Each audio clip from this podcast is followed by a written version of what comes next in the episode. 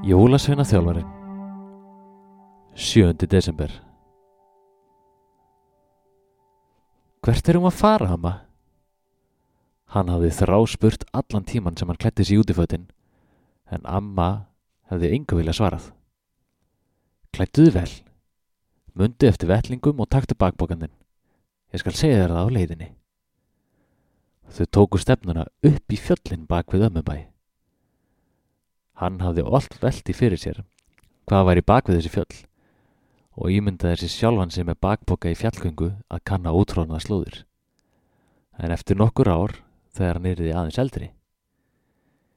Í sumar blíðu með fugglasöng og lækjarnið. Ekki núna um há vetur og það með ömmu sinni.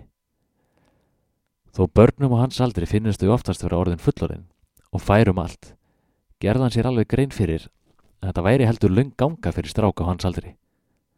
En nú var samt greinilega komið að því að hann fengi að vita hvað væri bak við fjöllin, því þanga stemdu þau.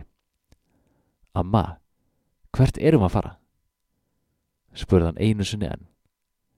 Við ætlum að finna hann afaðinn. Nú var Hallur alveg ringlaður. Finna afa? Hvar er afi? Á ég afa? Hvað meinar ama? Ég held ég ætti ekki afa.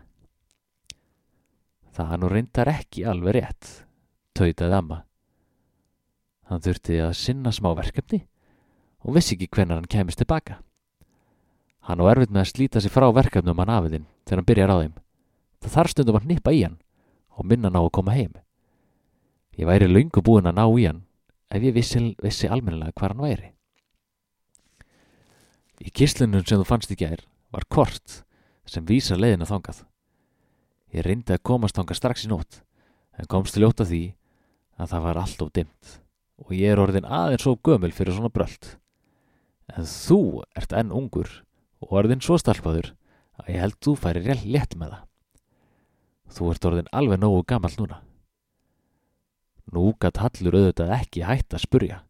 Hann spurði og spurði hvertu væri eiginlega að fara, en amma kom sér hjá því að svara.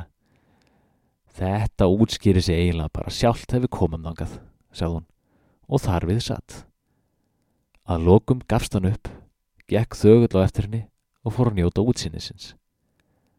Hann hafði aldrei komið svona hátt upp þannig. Þau hafðu stundum farið í berjamói í kærrinu í fjallsliðinni en það var miklu neðar. Þau gengu í hægðum sínum.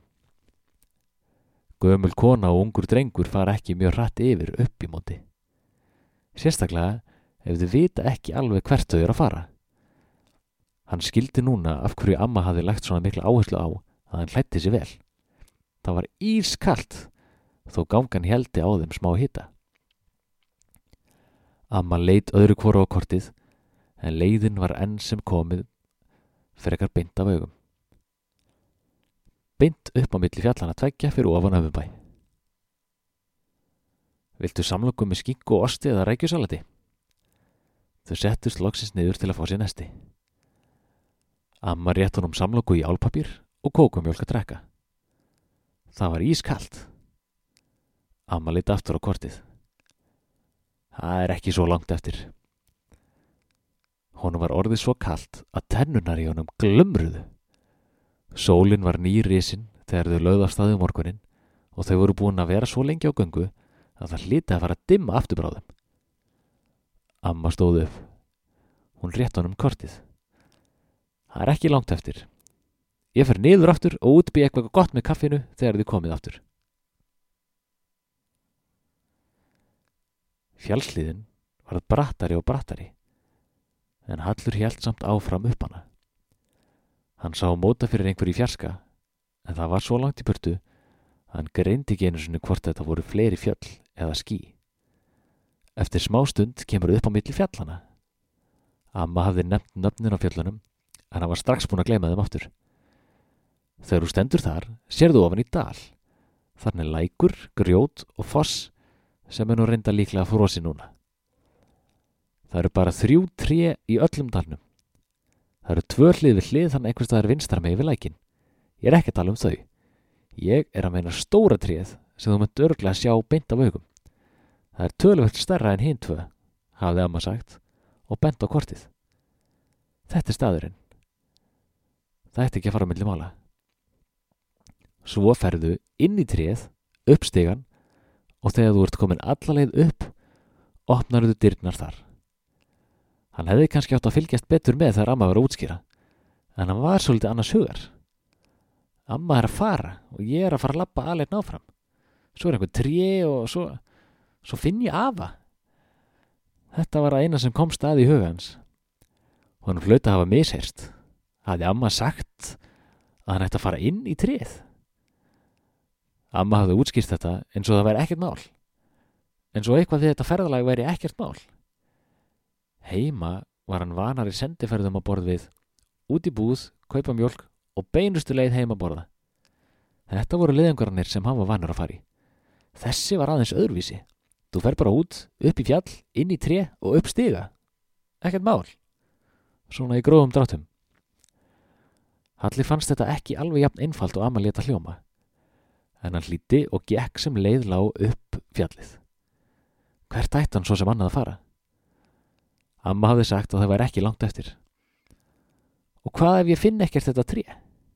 Það fyrir bráðum að dimma og þá var engin leið að leita. En Hallur gati ekki annað en brosað þegar hann stóð eftir skamastund loksins á milli fjallana og horfi, alveg eins og amma hafði sagt, niður í dalinn framöndan. Sé ég tréð? Auðvitað sé ég tréð. Það voru jú tvö tréð þann á vinstrihönd en það fór ekkert á milli mála að tréð sem blasti við honum í miðjum dalnum var tréð sem amma var að tala um. Töluvert stærra. Þetta var nú aðeins meira en töluvert stærra. Hann hafði aldrei séð svona stór tré. Hann efaðist um að nokkur hefði nokkur tíma séð svona stór tré. Það var næstu því stærra en fjöllin. Hallur réð ekki við sig. Hann gati ekki stilt sig um að hlaupa. Hann hljóp eins að rætt og hann gatt. Hann hljóp alla leið að trénu og viti menn, þarna var op. Það blasti við. Hallur vissi að ef hann myndi stoppa og hugsa málið, myndi hann kannski ekki þóra inn, svo hann hálpartinn hljóp inn í tréð, þar sem hann loksins tansaði. Þegar inn var komið, brá hann um í brún. Allt í hennu var eins og hann væri alls ekkert inn í tréi. Þetta var alls ekki eins og ég hafði búist við. Það var eins og hann væri komin inn í hús. Hvar er ég eiginlega? Er þetta kastalaturn eða kannski viti? Og hvert likur þessi stíi þarna? Það er vist bara ein leið til að komast að því.